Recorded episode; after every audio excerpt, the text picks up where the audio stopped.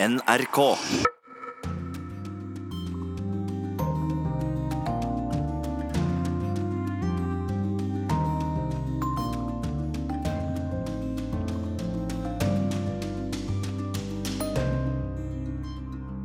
Den internasjonale koalisjonen bombet IS ut av Raqqa.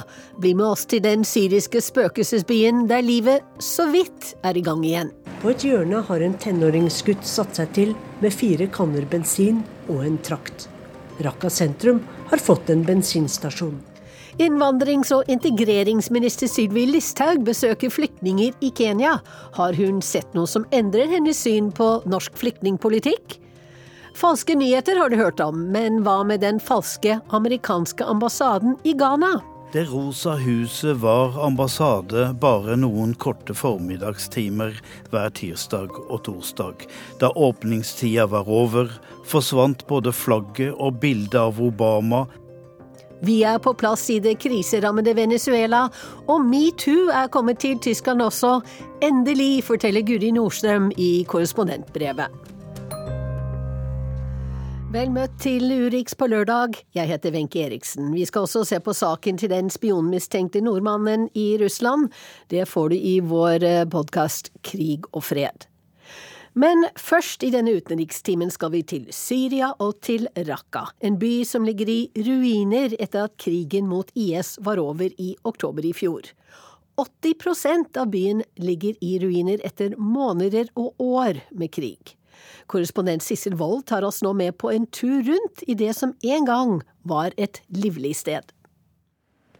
Vi kom til Raqqa tidlig en morgen. Vi kjørte gjennom stille gater, veier som gikk gjennom en død by, en spøkelsesby. Bare tause ruiner overalt. Er dette år null? Det var slik det så ut i Berlin våren 1945. Men hysj, nå hører jeg tegn til liv. Det er lyden av en generator. Så det er altså mennesker her et sted. Og så ser jeg dem. På en vei som er ryddet for murbiter, eksplosiver og knust glass, kommer fire menn gående. Alle bærer hver sin spade over skulderen. Men hvor begynner du når hele byen din er bombet tilbake til steinalderen? Først kom den frie syriske hæren hit, og så kom al-Nusra-fronten, og så kom IS. Og så kom alle hærstyrkene, inkludert den vestlige koalisjonen med bombefly, for å nedkjempe IS. Vi går forbi menn som sitter og varmer seg rundt en rusten tønne der de har fyrt opp et bål. For det er bikkjekaldt i Raqqa vinterstid. Men her har ingen strøm, for ingenting fungerer. På et hjørne har en tenåringsgutt satt seg til med fire kanner bensin og en trakt. Raqqa sentrum har fått en bensinstasjon. Alt er møkkete og støvete. Nå har vi funnet veien til sportsstadion, der de siste kampene mot IS-fanatikerne sto i oktober i fjor. So this is the stadium here. And they had many executions here also. Med tolken vår Mahmoud går vi ned i kjelleren, der IS holdt fanger. Dusjer og toaletter blir gjort om til små celler, og her er det mørkt. Gulvene er dekket av knust glass, murbiter og patronhylser. It's safe to go here? Yeah. For the ISIS uh, fighters. ISIS fighters prison. Who make a mistake, they To av de større cellene var satt av til menn IS mente var forrædere og spioner. Kanskje en av fremmedkrigerne hadde vist sympati med et gissel? Kanskje forsøkte en å rømme fra skrekkveldet? Eller kanskje en hadde tatt seg en røyk? I denne cellen satt en russisk fremmedkriger, for han har skrevet på veggen. Raqqa og Kresjenia 35 dager, står det på russisk.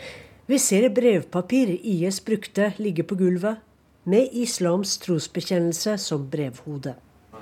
Oh, God. Gee, they made so many tunnels. Det er en død hund der borte.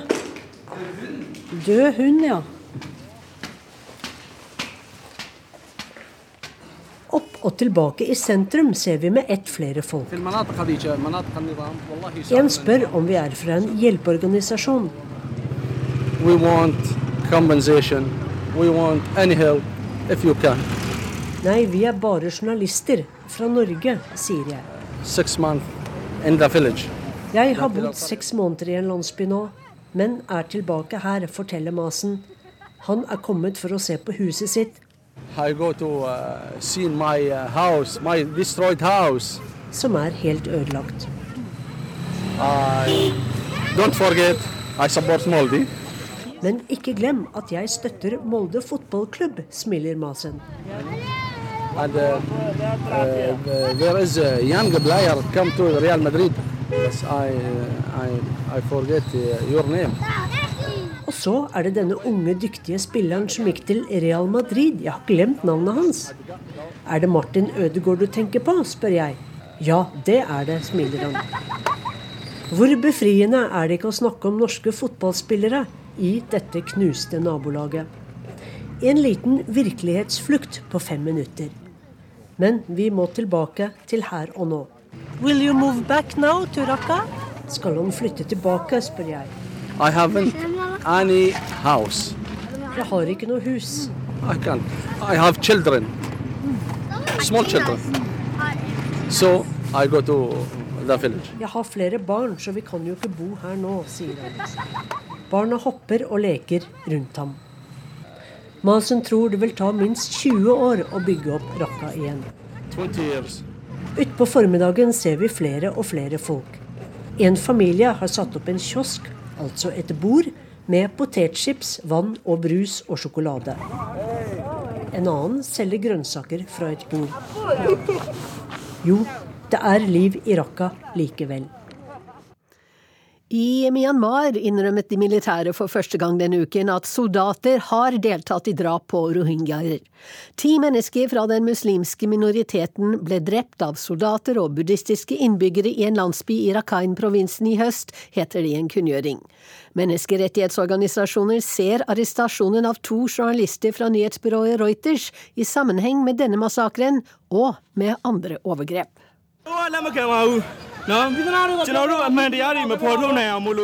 Vi leter etter sannheten, men de forsøker å stoppe oss, roper den unge mannen fra lasteplanet på en fangetransport. Han holder hendene med håndjern foran seg. 31 år gamle Wa Lun er journalist i nyhetsbyrået Reuters. Under rettsmøtet onsdag ble det klart at han og den 27 år gamle kollegaen Kiav So-o risikerer 14 års fengsel for brudd på The Official Secrets Act, som forbyr formidling av informasjon som kan skade Myanmar. Journalistene arbeidet med å avdekke overgrep i Rakhine-staten, og ble arrestert idet de fikk overlevert dokumenter fra en politioffiser. Reuters ledelse i New York er bekymret. We're very concerned about charges under the Official Secrets Act. This is a 1923 law as part of British India, colonial era law that was attempting to block anti-colonial activity. Uh. De bruker en lov fra 1923 fra den britiske kolonitida, sier sjefredaktør for Reuters, Steven Adler. Fullstendig upassende i våre dager. Under den nåværende regjeringen, som ledes av nobelprisvinner Aung San Suu Kyi, er minst 32 journalister tiltalt etter den gamle koloniloven, ifølge journalistorganisasjoner i landet. Mens familie, venner og kolleger ga sin støtte til journalisten utenfor rettslokalet, skjedde noe uventet på Facebook. Der publiserte den militære øverstkommanderende i Myanmar en innrømmelse. General Min Aung Laing skrev at ti fanger, som han kalte bengalske terrorister, ble drept av soldater og innbyggere i fjor høst, hogget ned med sverd eller skutt. For første gang en innrømmelse av overgrep, og derfor kan det være ett viktig skritt mot mer åpenhet, sier den amerikanske ambassadøren til Myanmar, Scott Marcial. The military's acknowledgement that security forces were involved in the killing is an important step. We hope it is Massakren skjedde i september ved en skole i landsbyen Indin i delstaten Rakhine. Likene ble funnet i en massegrav i desember. Fangene var rohingyaer fra den muslimske minoriteten, som de buddhistiske innbyggerne mente hadde drept en person i landsbyen deres. Uh, we see what has happened in Indin is literally the, the tip of the iceberg. Uh, that there are a lot more abuses that have to be found and investigated. Innrømmelsen av delaktighet i dette er bare toppen av isfjellet, sier visedirektør for Asia i Human Rights Watch, Phil Robertson. This is why we've continued to demand that there be an international uh, investigation. Human Rights Watch og andre menneskerettighetsorganisasjoner tror de militære har langt flere liv på samvittigheten etter sin såkalte opprenskningsaksjon i delstaten Rakhine i fjor høst. Mer enn 655 000 rohingyaer flyktet til nabolandet Bangladesh og fortalte om drap, voldtekter og nedbrente landsbyer. Det ble kalt etnisk rensing av FN.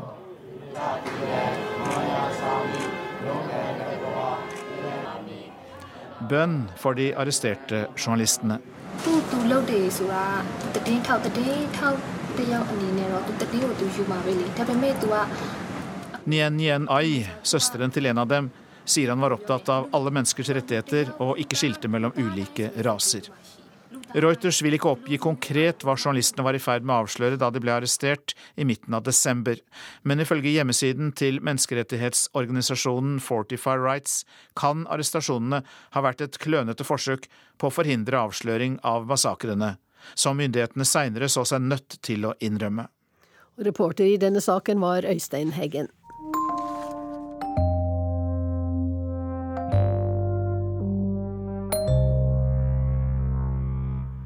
Neste stopp i Urix på lørdag er Kakuma flyktningleir i det nordvestlige Kenya. Vi skal direkte dit fordi det er siste stopp i integrerings- og innvandringsminister Sylvi Listhaugs Afrikatur, som også har brakt henne til Sudan og Etiopia. Og Sylvi Listhaug, du besøker nå en leir der det bor 180 000 flyktninger fra 21 land. Har du snakket med noen, sett noe eller opplevd noe som har påvirket eller endret ditt syn på Fremskrittspartiets flyktninger? Flyktning- og innvandringspolitikk? Jeg er blitt enda mer overbevist om at det er helt rett å bruke de store pengene i nærområdet til krig og konflikt. Det som jeg har sett her, er en leir som har nesten mellom 185 og 190 000 mennesker, med et budsjett på 23 millioner dollar. Når vi tar imot ca. 2000 kvoteflyktninger til Norge, så bruker vi altså 180 millioner dollar på 2000 personer. Og det er klart Her er det mangler. Det er halvparten av det budsjettet som FNs høykommissær trenger for å gi et best mulig tilbud her. I tillegg til det, i tillegg til flyktningene som det er millioner av i området, så er det jo hundrevis av millioner mennesker som lever i fattigdom, som også er store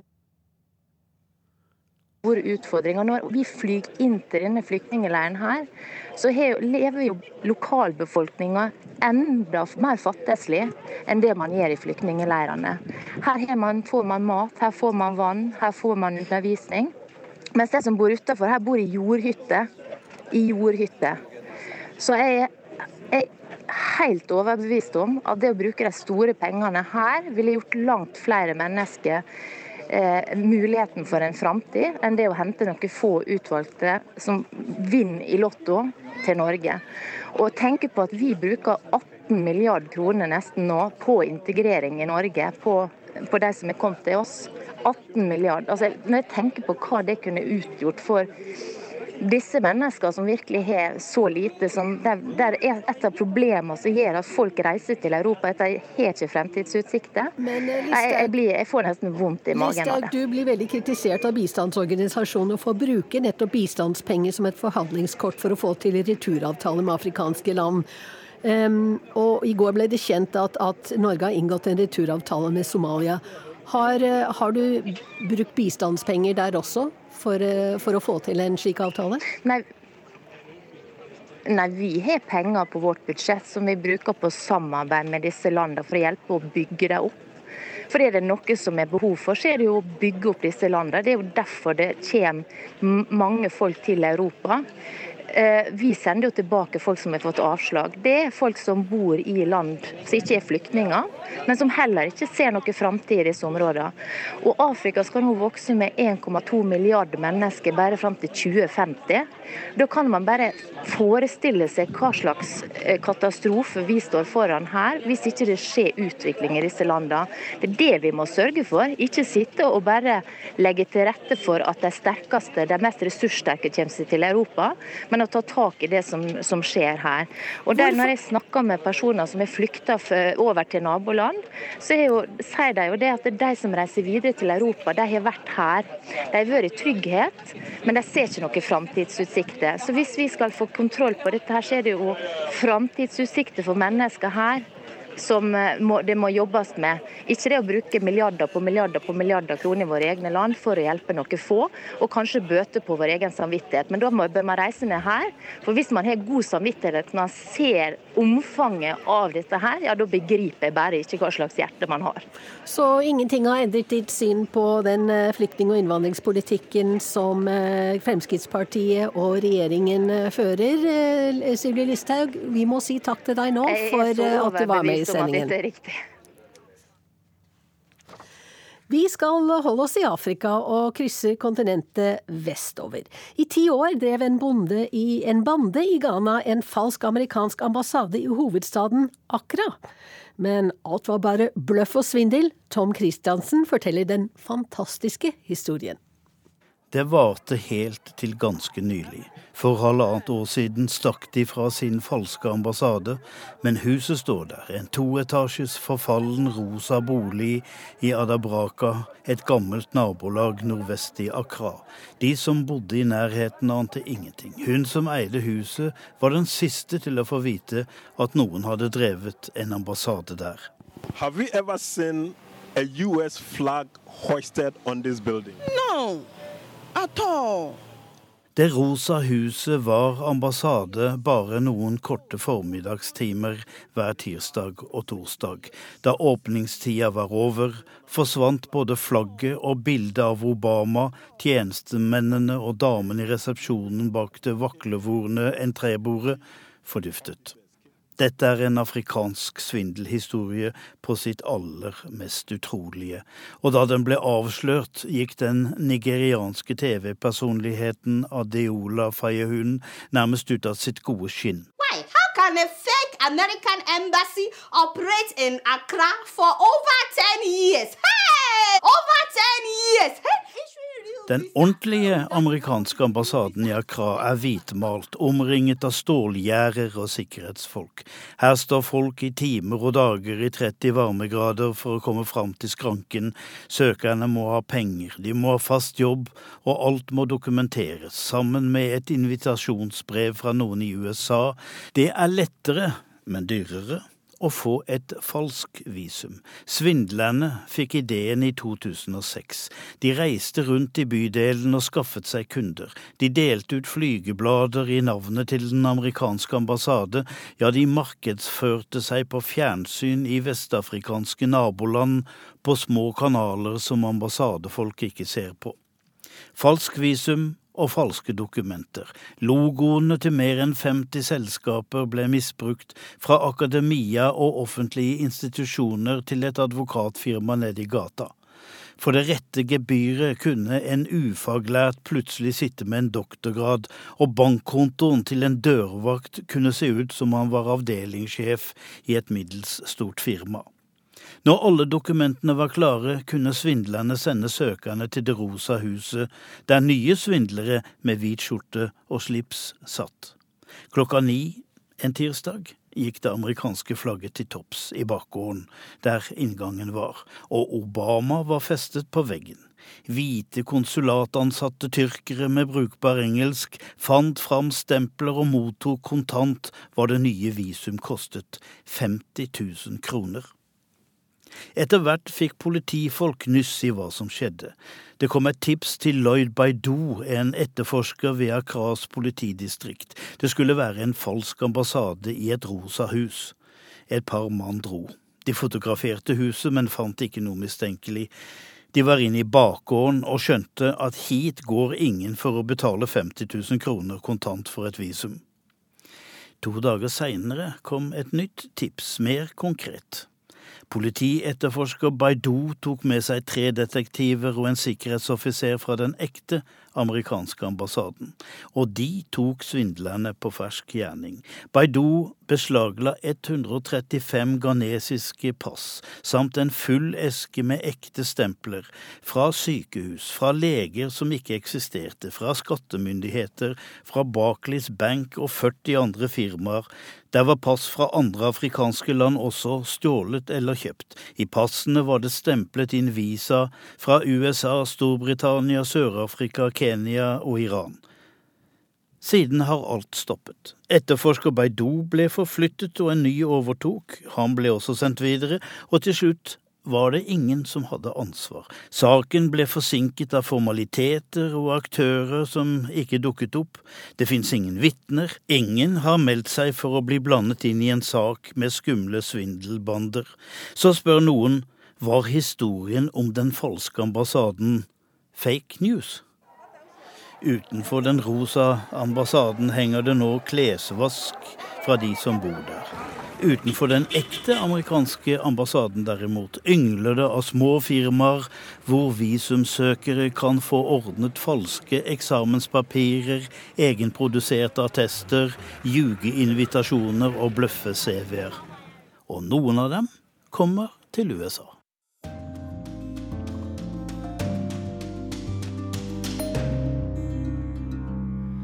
I Venezuela blir den økonomiske og sosiale krisen stadig dypere. De siste fire årene har landet tapt en tredel av sitt nasjonalprodukt, og millioner av mennesker kjemper en daglig kamp for å overleve. Vår reporter Arnt Stefansen er i Venezuelas hovedstad Caracas og har sendt oss denne reportasjen. Han står oppi en diger søppelcontainer og enser ikke trafikken som stryker tett forbi.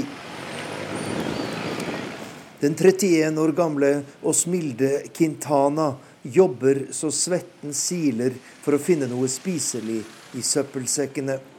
Men det er alt annet enn lett. For folk her i det dypt kriserammede Venezuela kaster fra seg stadig mindre, og det merkes godt for en som lever av andres søppel her i hovedstaden Caracas. Det er et fryktelig liv, og jeg ser ingen fremtid. Jeg har vært nederst i samfunnet i flere år, men jeg har i hvert fall greid å overleve. Nå frykter jeg at dette året kan bli det siste. Jeg må bare sette min lit til Gud, for her på jorda er det ingen å venne seg til, sier 31-åringen. Knapt noe land har hatt en verre økonomisk og sosial utvikling det siste året enn Venezuela. Inflasjon var i fjor på mer enn 2000% den høyeste i verden. Økonomien krympet med mer enn 12 og mangelen på mat, forbruksvarer og medisiner blir mer og mer dramatisk, sier den kjente kommentatoren Carlos Correa her i Caracas. Ese es uno de los, de los elementos que está gravitando muy fuertemente en la calidad de vida. Denne utviklingen betyr at livskvaliteten blant folk her i Venezuela nå forverrer seg dramatisk. Lønningene er på ingen måte i stand til å holde følge med den enorme inflasjonen, og derfor er flere og flere ute av stand til å kjøpe den maten som er å få tak i. Folk er ufattelig tålmodig her i landet. Men situasjonen er en tidsinnstilt bombe, sier kommentatoren.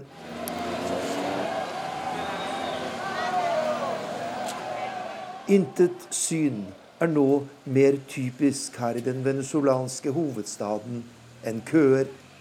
Å få tak i det som tilbys av statlig subsidierte mat- og forbruksvarer, er for stadig flere den eneste løsningen. Og folk stiller seg i kø så snart ryktet begynner å gå om at nye varer er kommet i hyllene. Jeg møter den 62 år gamle Mercedes GD i køen foran et stort apotek her i sentrum av Caracas. Jeg prøver å få tak i vanlige forbruksvarer som tannkrem, såpe og toalettpapir. Jeg stilte meg i kø klokka fem i morges, og nå er den halv åtte. Så om en halvtime åpner de. Vi er alle spente på om det er noe å få tak i, for her er prisene lave, sier 62-åringen, som er rasende på myndighetene for den katastrofale situasjonen. Men president Nicolas Maduro sier landet er et offer for en økonomisk krig styrt fra USA.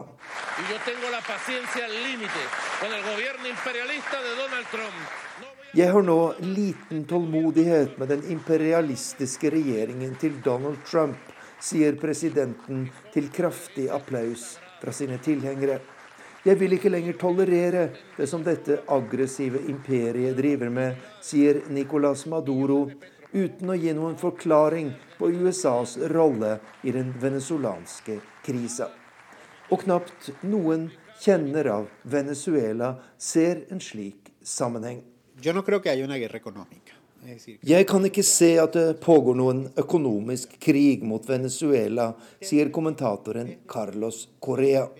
Det er riktignok innført noen straffetiltak fra USAs side, men det forklarer på ingen måte det faktum at landets økonomi er lagt i ruiner det siste tiåret. Det verste er at det er blitt umulig å drive privat økonomisk virksomhet i Venezuela pga. nasjonalisering, pris- og valutakontroll og andre tiltak, sier kommentatoren. I et bakeri i sentrum av Caracas lages fortsatt det daglige brød. Men innehaveren Andres Blanco frykter at det går mot slutten for virksomheten som familien har drevet i mer enn 40 år. Det blir stadig vanskeligere å få tak i råstoffer, og i perioder må han selge med tap fordi myndighetene fastsetter en pris som er lavere enn kostnadene. Det eneste som kan redde oss, er en ny økonomisk politikk. Nå går alt fra vondt til verre, og det er bare et tidsspørsmål før vi må stenge og 29 ansatte mister jobben. Med denne regjeringen har jeg mistet alt håp om bedring, så andre må ta over for å redde landet, sier bakerieieren Andres Blanco her i Caracas, Venezuela. Sa Arnt Stefansen. På nyåret har også Tyskland fått sin metoo-skandale. Men det tok lang tid, forteller Guri Nordstrøm i korrespondentbrevet fra Berlin. Og der kom bølgen hit til Tyskland også. Nå på nyåret fikk også vi vår metoo-skandale, nesten tre måneder etter at demningen brast på andre siden av Atlanteren. Dieter Wedel er mannen som nå blir oppgitt å være Tysklands Harvey Weinstein. Fra 70- til 90-tallet var han en av de mektigste TV-regissørene i landet, og skal ifølge tidligere medarbeidere og skuespillere ha trodd at når du har en høy og mektig stilling, så gir det deg automatisk rett til å tvinge til deg sex. Én forteller at hun ble voldtatt. En annen skuespiller forteller hvordan hun gjennom en hel filmproduksjon ble kjeftet huden full foran de andre på settet. Ifølge henne hadde hun tidligere avvist Wedel da han forsøkte å ligge med henne. Og en fotograf bekrefter at det var en kjent sak at de skuespillerinnene som ikke ville ligge med ham, de gikk han inn for å ødelegge. Nå 75 år gamle Wedel på sin side nekter for å ha gjort noe galt. Han har verken brukt tvang, trusler, vold eller makt for å få kvinner til sengs, forklarer han. Han innrømmer at han har et temperament, og at det får utløp når folk ikke behersker jobbene sine. Kona har han også på sin side. Hun kjenner ikke igjen det bildet som tegnes av ham som hun har vært gift med i over 40 år, og kaller det hele for en heksejakt. Men før denne nyheten sprakk i avisa Zeit nå i januar, har det vært påfallende stille når det gjelder metoo her i Tyskland. Jo da, det har da blitt skrevet om det, men da hovedsakelig sporadisk og anonymt, og uten konkrete følger. Ofte har det handlet om opprørene som har skjedd i andre land, og historiene har gjerne havnet på kjendis- og sladresidene. Annet om den italienske skuespilleren Asia Argento, som måtte flykte hit til Berlin etter å ha vært en av de første kvinnene som sto fram og fortalte om Weinsteins overgrep. Den tyske skuespilleren Nina Brandhoff sto riktignok frem og fortalte om en episode til Spiegel om en regissør som misbrukte sin stilling, men uten å navngi ham. Hun fortalte den samme historien som vi har hørt nesten verden over i det siste. Alle visste om det, men alle holdt kjeft fordi overgriperen hadde makt. Det har også blitt snakket om seksuell trakassering i tysk politikk. At det kan være en medvirkende årsak til at unge kvinner ikke ønsker å engasjere seg, og familieminister Katarina Bali har snakket om at det må komme en lovendring. Samme politiker og sosialdemokrat har for øvrig stadig kritisert at forbundskansler Angela Merkel generelt gjør for lite for kvinner og likestilling. Men da det ble kjent at metoo ble kåret til årets person av Time Magazine, ble det i hvert fall hyllet av Merkel, som takket alle kvinner og menn for deres mot til å bryte tausheten. Takken kom riktignok i Twitter-form gjennom kontoen til regjeringens talsmann Steffen Seibert uten at noen gjorde det til et poeng at verdens mektigste kvinne ikke snakket om denne saken, som jo angår verdens kvinner, direkte selv. Den mest interessante debatten her i Tyskland har derfor vært hvorfor det er så stille. Hvorfor grasrotopprøret har manglet. For seksuell trakassering finnes jo selvfølgelig også her. Da overgrepene i Köln skjedde på nyttårsaften for to år siden, gikk debatten om hvordan det i innvandrermiljøene fra Midtøsten og Nord-Afrika ofte var en manglende respekt for kvinner.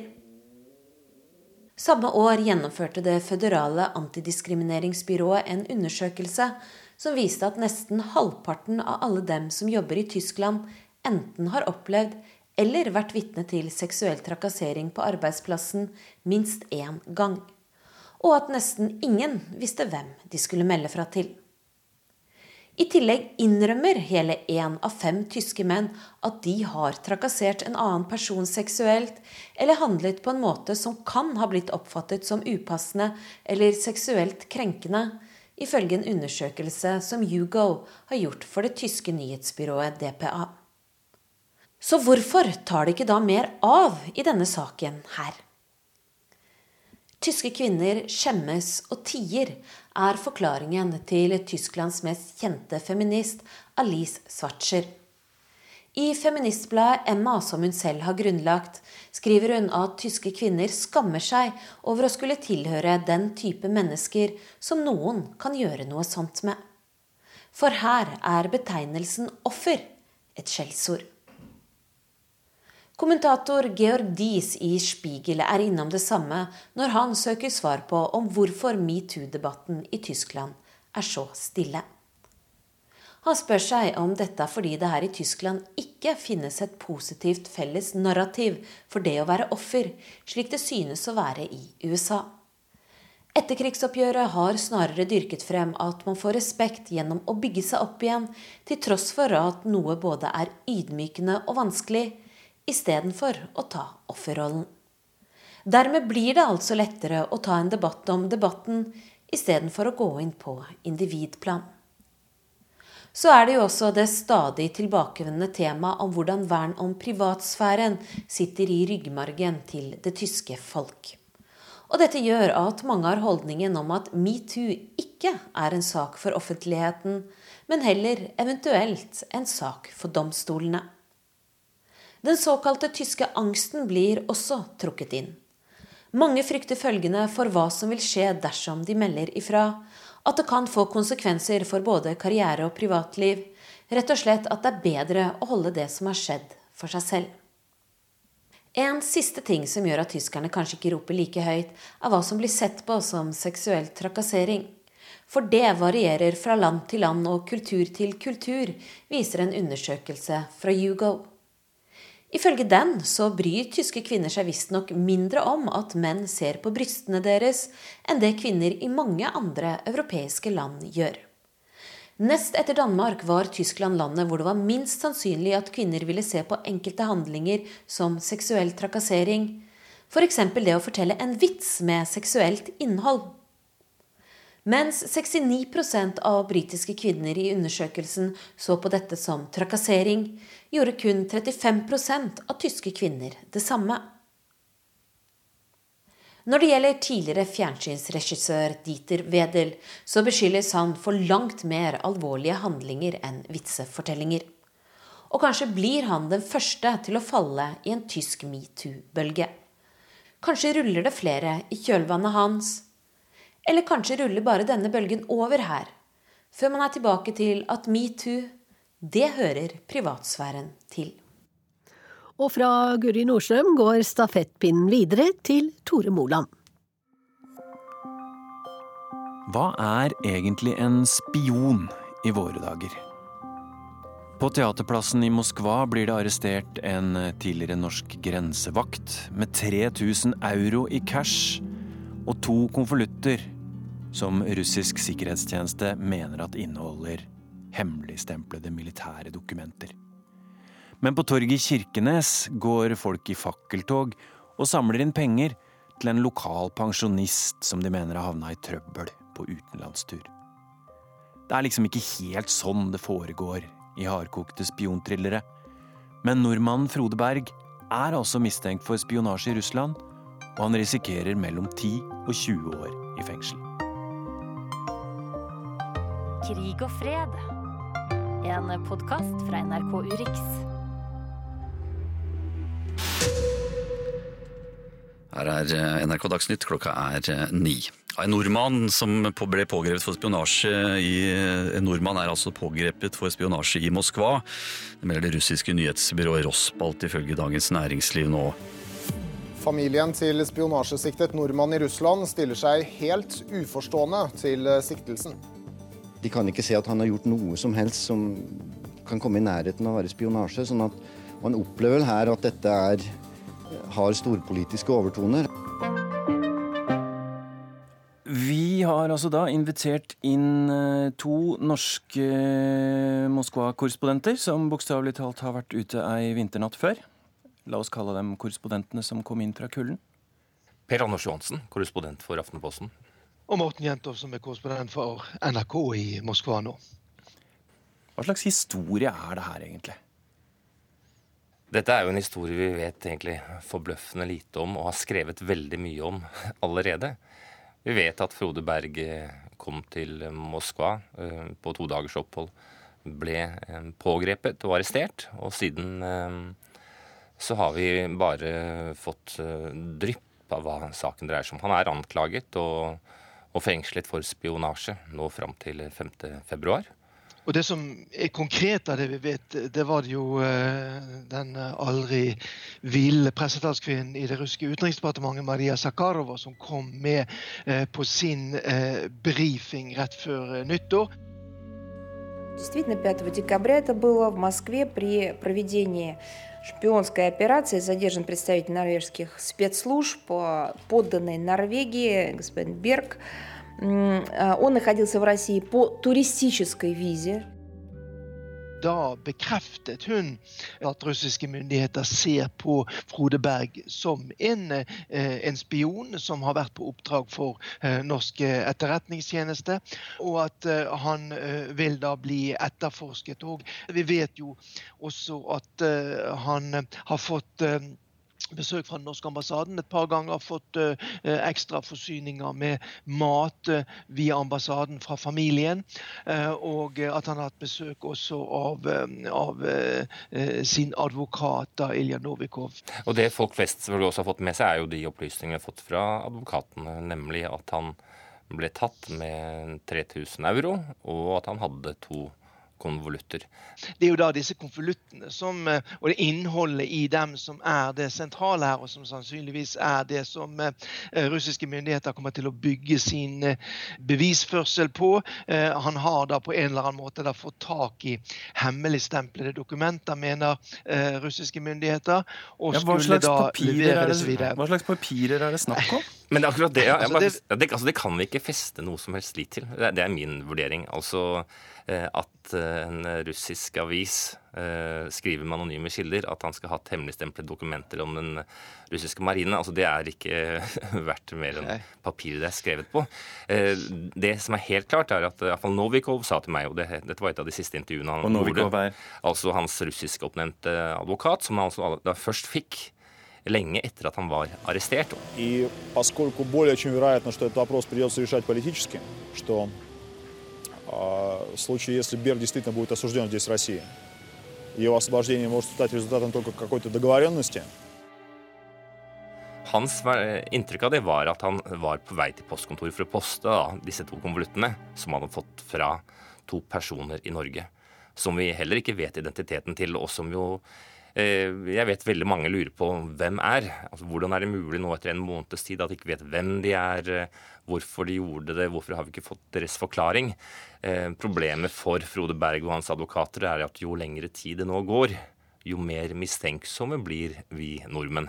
Og det har jeg merket selv når jeg har vært hjemme på juleferie nå. Det er mange som nærmest allerede har stemplet han som en sannsynlig spion, og det er egentlig ganske forbløffende og vet hvor lite vi vet. Altså Russerne har faktisk ikke gitt oss et eneste pip av uh, bevis.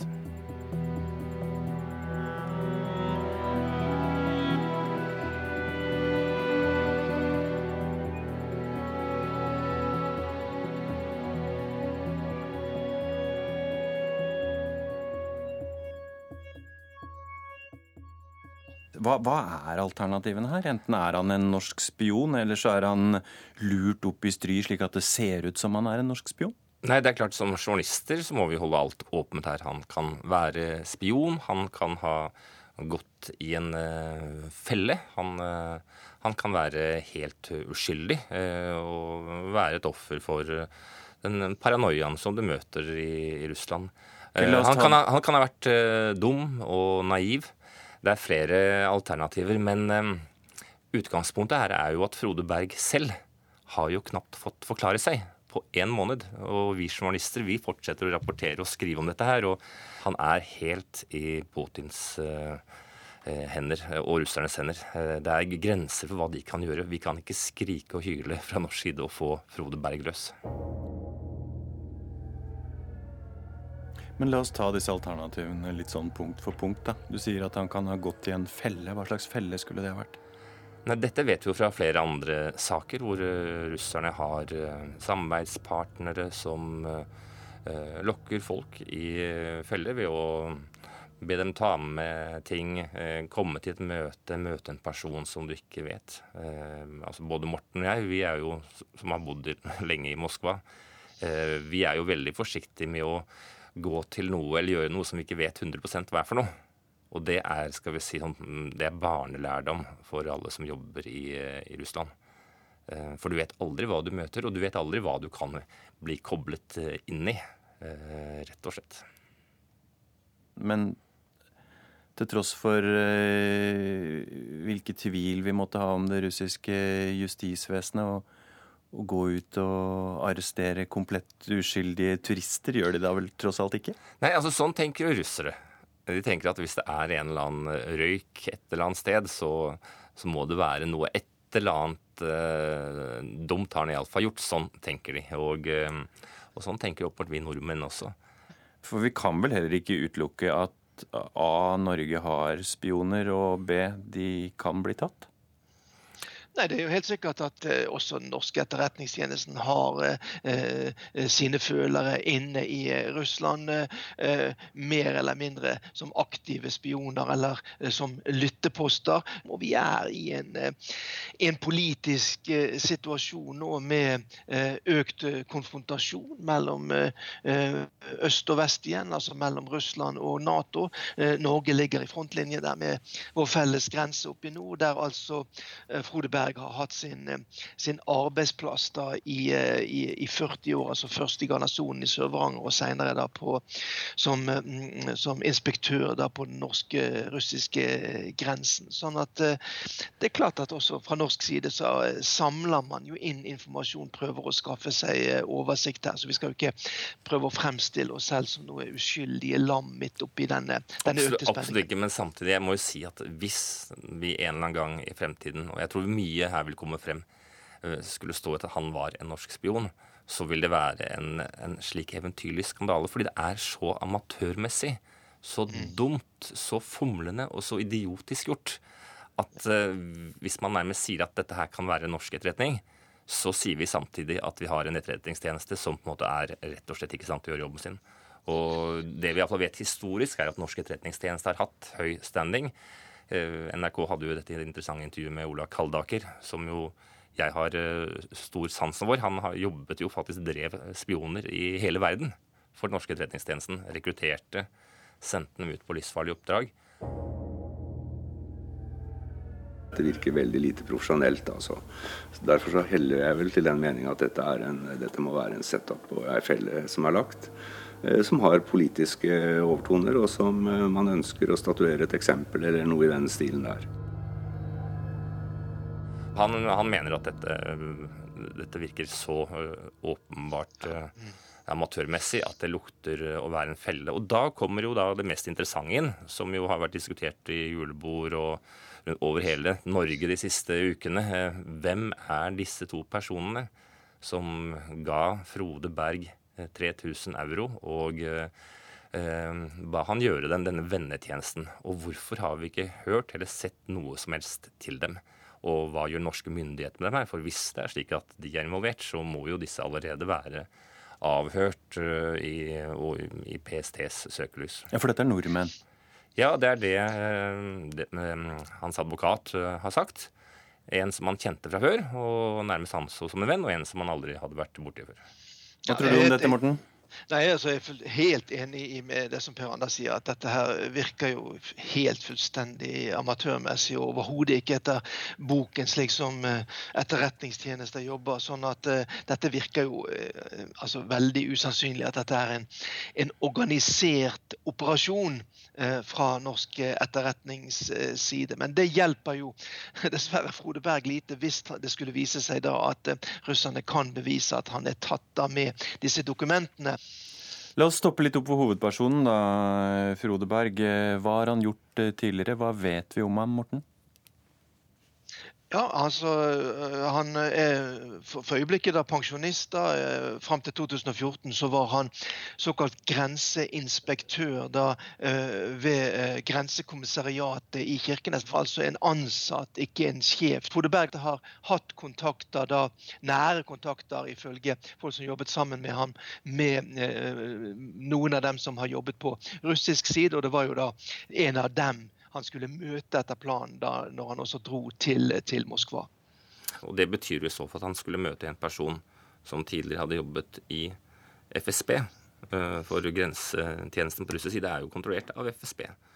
Og øh, hvis han har dratt for å møte noen slike personer, og dette har ikke vært avklart øh, offisielt på noen som helst måte, så er det fort gjort at vi kommer i en situasjon hvor faktisk russerne tror at de har tatt en spion mens det egentlig bare er en ganske naiv nordmann. Og dette har jo Frode Berg selv sagt til sin advokat. Jeg var eh, naiv. Og det, er, det kommer til å bli stående denne saken her uansett. Ja, han, eh, han var naiv, og så får man diskutere etter hvert om dette var dumskap eller ikke. Men det er jo flere ting her også ved hans mm, virksomhet etter at han ble pensjonist som er interessant. Han har jo sagt at han var lidenskapelig opptatt av eh, grenser, og dermed ville dra til steder hvor grensen var usikker, og dermed også spent. Han var i Armenia, Georgia eh, flere ganger. Veldig opptatt og eh, engasjert i Armenia. Der ga han uten til og med en litt sånn pussig blogg som heter eh, Fjodor Nagorno. Hvor han skriver om sine inntrykk om om, Fjodor Nagorno, skulle det da være Frode Berg? På... Nei, altså Det var helt åpenbart han hadde vært i Nagorno-Karabakh, et sted som jeg som journalist for eksempel, skal være veldig forsiktig med å dra til. Det er jo et, et område som Armenia har tatt fra Aserbajdsjan, hvor, hvor, det pågår eh, krigshandlinger. Og hans, hele hans blogg gir jo veldig inntrykk av at han er en litt sånn, ja, litt ja, festlig fyr. Jeg skulle gjerne ha sittet og tatt en pils med han. Opptatt, engasjert, litt svermerisk. Etter å ha jobbet i det her trauste grensekommissariatet så lenge, så er han nå ute på tur. I Kirkenes lages det nå en støttegruppe for spionsiktede Frode Berg. Lokalsamfunnet oppfordres til å gå i fakkeltog på lørdag. Først og fremst er det viktig å vise overfor familien at det er et lokalsamfunn som stiller opp for han Frode. Og det er ingen av oss som sitter i den gruppa som har noe tro på at han Frode har drevet noen form for spionasje. Men hva skjer videre her nå? For statistikken er vel ganske klar. Blir du arrestert for spionasje i Russland og stilt for retten, da blir du dømt også? Det er det ingen tvil om. Altså, alle som har blitt ført for sak der de siste tror jeg, 20 årene, og, og, og hvor sakene faktisk ender i retten, de blir dømt. Og hva blir de dømt til da? Ja, altså da, Det er jo mellom 10 og 20 års fengsel. Men det har vært saker som har vært ført fram for domstolen, hvor man i ettertid har moderert eller slippet folket ut, vist benådning, eller litt benådning. Det liker jo den russiske stat å gjøre, og Putin selv, å vise storsinn. For nå er den fasen da russerne skal bestemme seg for hvordan de vil ta denne saken videre, rett og slett? Ja, det er under etterforskning.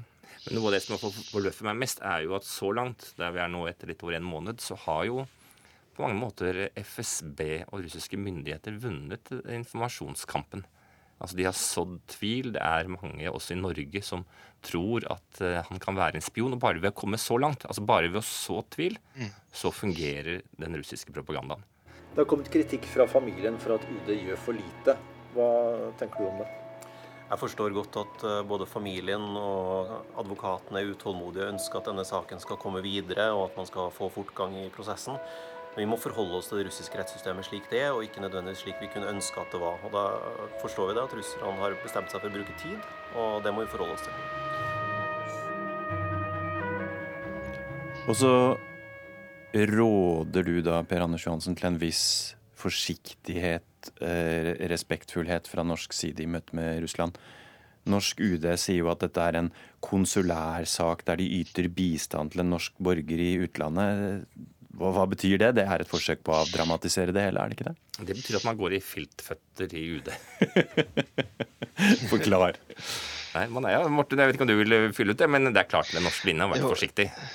Ja, den norske linjen har selvfølgelig vært eh, overdreven, kanskje vil jo noen si da eh, forsiktig. Vi ser også kravene fra eh, særlig fra nord, da, fra Sør-Varanger, om at UD her må være mer aktiv, at norske myndigheter må ta denne saken opp med Russland. De kommer jo sterkt. Og et, etter hvert så må jo norske myndigheter også ta saken opp med, med Russland. Den kommer jo opp på et politisk nivå. vi bare vet ikke helt når det skjer.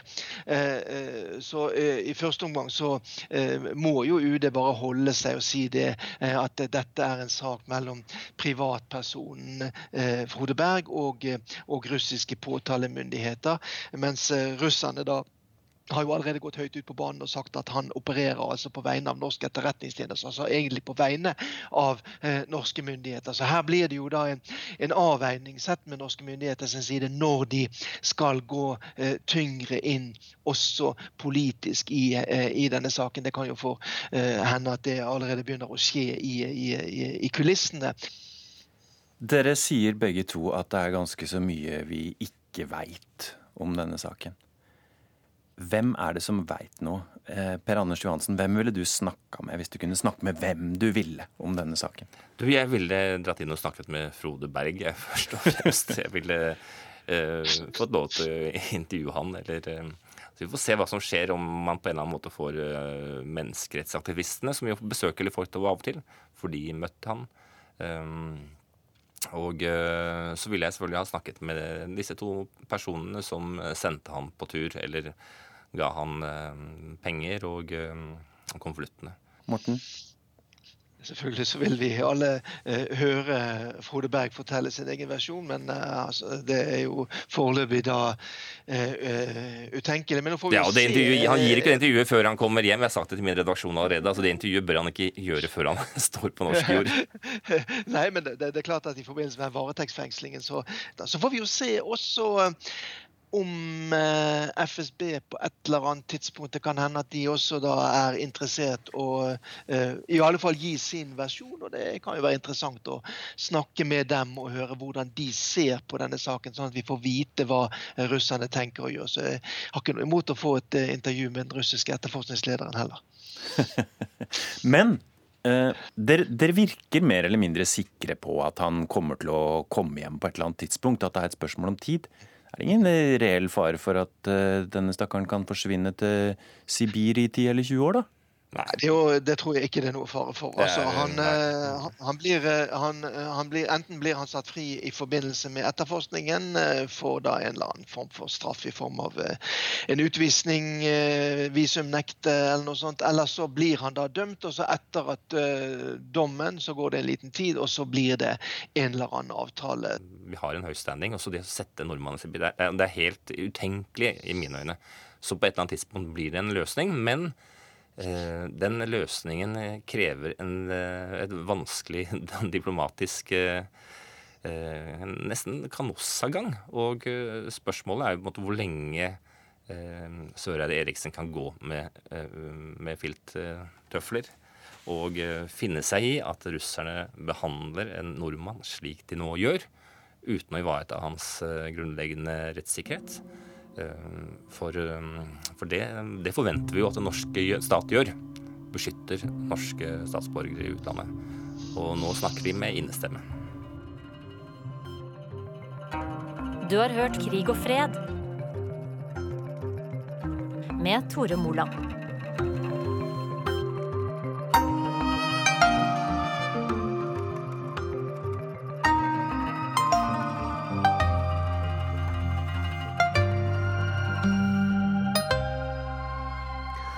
Dermed er det slutt på Urix på lørdag. Teknisk ansvarlig Hanne Lunås, produsent Oda Holm Gulbrandsen og Wenche Eriksen er i studio, sier takk for nå.